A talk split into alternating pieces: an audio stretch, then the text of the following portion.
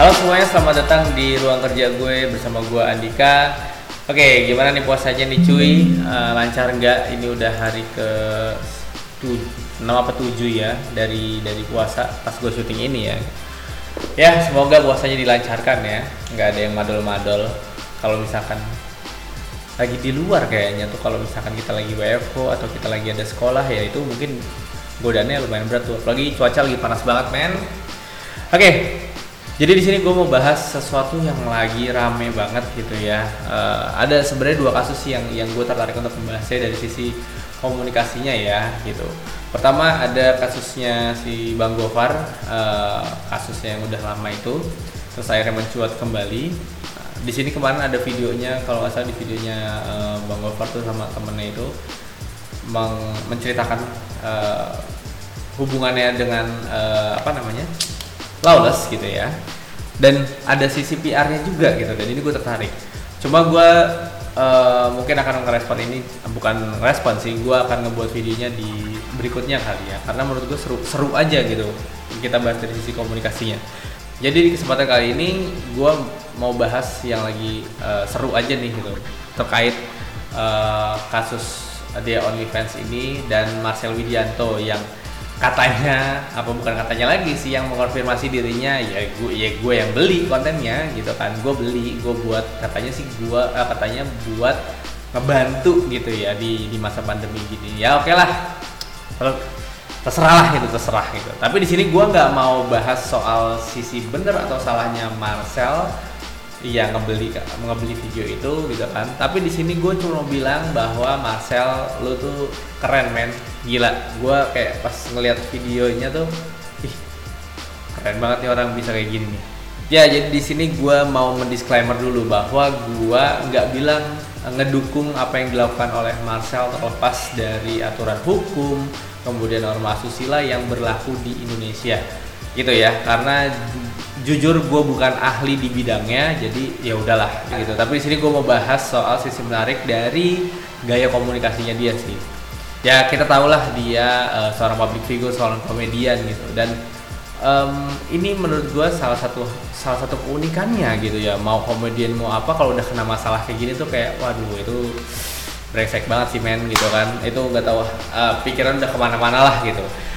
Nah inilah yang menurut gua menarik dan makanya gue bilang Marcel itu keren gitu loh Oke, jadi eh, di posisi Marcel ini secara PRing gitu ya, secara PRing itu disebutkan ada eh, lagi terkena yang namanya crisis communications.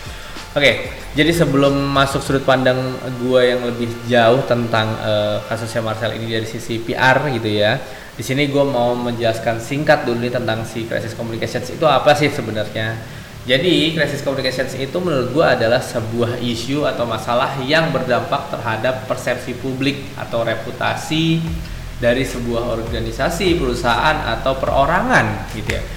Biasanya eh, bisa dilihat juga dari persentase besarnya sentimen negatif gitu ya, baik dari eh, narasi di pemberitaan, sosial media ataupun di masyarakat gitu. Bicara soal crisis communications dan Marcel di sini terjadi yang namanya eh, kasus yaitu kasus eh, jual beli konten. Nggak tahu tuh ilegal apa enggak ya pokoknya gitulah gue nggak bahas dari sisi hukumnya ka- ka- kasus konten pornografi ya gitu kan. Nah di sini kan pasti tentunya kayak gue bilang tadi bisa berimbas kepada reputasinya Marcel sebagai komedian sebagai public figure. Tapi di sini eh, perlu dihadapi dengan tepat. Oke, nah kenapa sih gue bilang Marcel keren? Jadi gini, tahapan jadi gini, tahapan crisis communications itu yang gua kutip dari website Beehive PR gitu ya. Tahapannya ada ready, respond, recover, dan restore. Jadi 4R. Ya sebenarnya tahapan ini tuh eh, variatif ya. Kalian bisa cari juga di Google ada beberapa tahapan untuk menghandle si crisis communications ini. Dalam studi kasus ini, oke, gua jadi membedah eh, ini sebagai studi kasus yang menurut gua Marcel punya cara yang tadi gue bilang itu unik. Tuh. Nah, di sini biasanya gue nyebutnya adalah strategi komunikasinya. Dari terlepas eh, terlepas dari ini udah direncanain apa Marcel atau belum ya udahlah gitu gue juga nggak tahu tapi pertama nih ya gue ngeliat Marcel itu tuh kayak tenang banget menghadapi masalah ini gitu nggak tahu sih sebenarnya. Ya kita kan ngeliat dari luar ya. Nggak tahu di dalamnya tuh seperti apa kayak pusingnya kayak aduh anjir gimana? Gitu. Gue mesti gimana? Gitu. Kita nggak tahu. Jadi begitu kasus uh, mencuat gitu ya di stating oleh uh, pihak kepolisian kalau nggak salah kalau nggak salah ya gitu. ada komedian M yang membeli membeli konten uh, dia OnlyFans itu Nah, rame tuh di sosial media nyari tahu siapa nih komedian. Bahkan gua uh, nges ada satu yang screenshot gitu ya dari Wikipedia komedian Indonesia inisial M tuh ada tuh urutan namanya siapa siapa siapa gitu. Ya kalau menurut gua kayak ya udah tunggu aja kali ntar juga keluar gitu kan. Nggak lama uh, ada pemberitaan bahwa kuasa hukumnya Marcel Widianto mengkonfirmasi bahwa um, ya Marcel dipanggil sama pihak kepolisian untuk pemeriksaan gitu. Nggak lama setelah itu kalau nggak salah ya Marcel itu muncul di Instagram media dengan uh, postingan minta maaf. Uh, kemudian uh, masih mengajak juga kayak oke okay, ditunggu jam 10 ya kalau nggak salah di nggak tahu di Polda atau di mana gitu. Dan captionnya cuma kayak ya gitu menanti tanggapan LST katanya gitu ya yang lagi rame juga.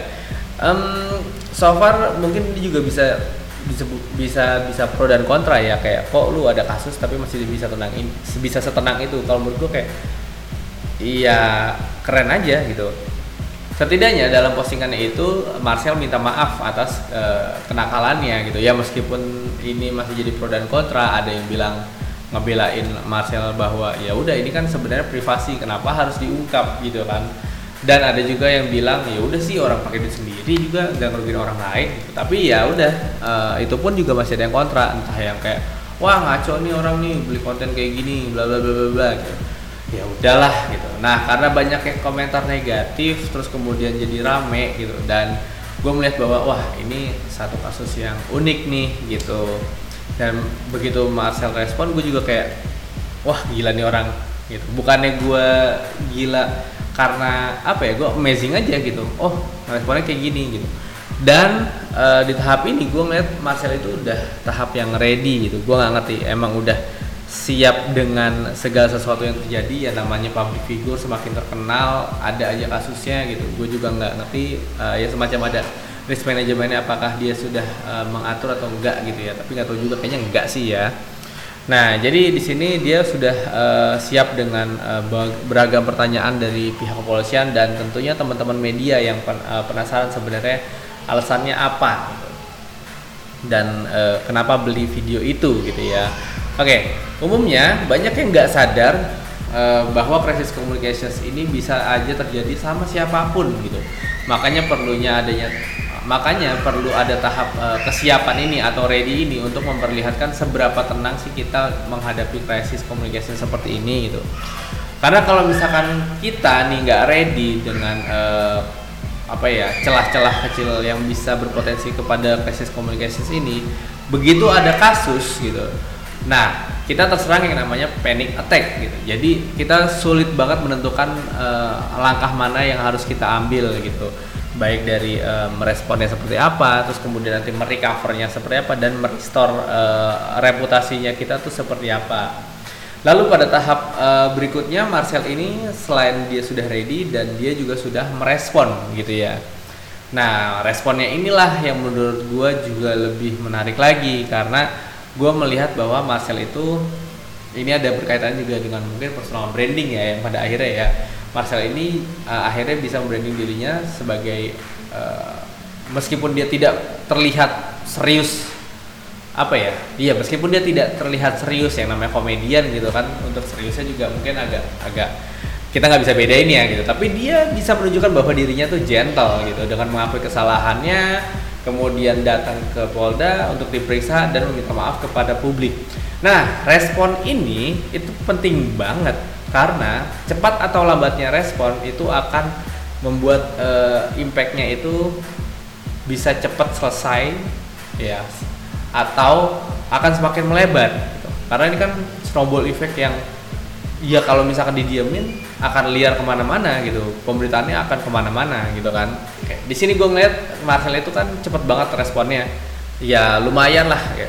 Dalam kasus ini kan gue ngeliat Marcel tuh bisa dibilang cepat lah untuk meresponnya dengan mengakui kesalahannya terus kemudian menyampaikan uh, mengajak tetap untuk ketemu jam 10 artinya dia benar-benar siap untuk merespon beragam pertanyaan yang akan oke okay nih lu tanya nih ke gue yuk jam 10 yuk kita ngobrol yuk gitu. Dan surprisingly gue ngelihat di Instagram itu dia menyapa teman-teman media dengan wajah yang masih tersenyum masih ketawa-ketawa gitu kan. Buat gue ini raut muka yang bukan yang inosen sih atau nggak ngerasa salah tapi justru dia melihatkan bahwa ya udah kasusnya berjalan gue tenang aja ikutin aja kasusnya. Dan ini loh kejadian yang sebenarnya gitu. Biasanya kalau ada di posisi Marcel itu wow udah deh muka udah ditekuk udah nggak mau nampilin muka di media atau bahkan menghindar dari media segimanapun gitu. Karena uh, ya gue juga paham bahwa kalau misalnya kita menghindar tuh artinya bisa aja ada narasi atau kita salah ngomong di saat kita nggak siap gitu ya ada lagi timbul masalahnya gitu nah makanya perlu yang adanya kesiapan dan uh, jawaban-jawaban yang memang uh, yang tepat gitu ya ke, ke publik gitu. Dalam studi kasus ini, buat gue Marcel itu berhasil untuk memberikan respon yang baik gitu ya dan menghandle krisis ini dengan cara yang tepat.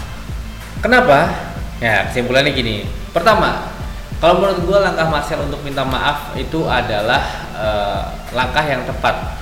Terlepas nanti soal kesalahan dia di mata hukum gitu ya atau alasan dia beli konten gitu kan. Setidaknya dia sudah mengakui dan minta maaf juga menurut gue menampilkan sosok yang tadi gue bilang gentle itu ya gitu. Kedua, ketika Marcel merespon segala hal yang berkaitan dengan kasus hukumnya ini gitu dan dia tidak menghindar, menurut gue itu bisa membantu menjaga reputasinya dia. Bahkan menurut gue itu bisa meningkatkan uh, apa ya respect lah orang respect dengan dia karena dia bisa segentle itu menghadapi kasus ini gitu. Nah, ini bisa menjadi salah satu contoh sebenarnya. Contoh dari tapi gini, contoh bukan dalam artian kesalahan ya. Contoh dalam artian uh, contoh bukan bahkan menurut gue ini bisa dijadikan uh, contoh buat mungkin nanti siapa pun yang terkena crisis communications. Contoh dalam artian bukan masalah kasus ya, tapi di sini contoh menghadapi kasusnya gitu. Step-step Marcel dalam menghadapi si uh, crisis communications ini. Oke, okay, sampai situ dulu aja. Nanti gue coba lagi riset yang mengenai uh, Bang Gofar gitu kan. Mudah-mudahan uh, bisa juga jadi uh, studi kasus yang menarik untuk crisis communications. Dan kalau misalkan kita mau diskusi monggo kita diskusi sehat di kolom komentar di bawah. Kalau misalkan kalian teman-teman uh, yang bergerak atau bekerja di bidang komunikasi yuk kita sharing-sharing kita ketemu siapa tahu kita bisa ngobrol bareng saling berbagi ilmu ya kan mengenai komunikasi ini. Oke sampai sini dulu aja. Um, gua cabut semoga puasanya lancar dan berkah Ramadan. Amin. Bye bye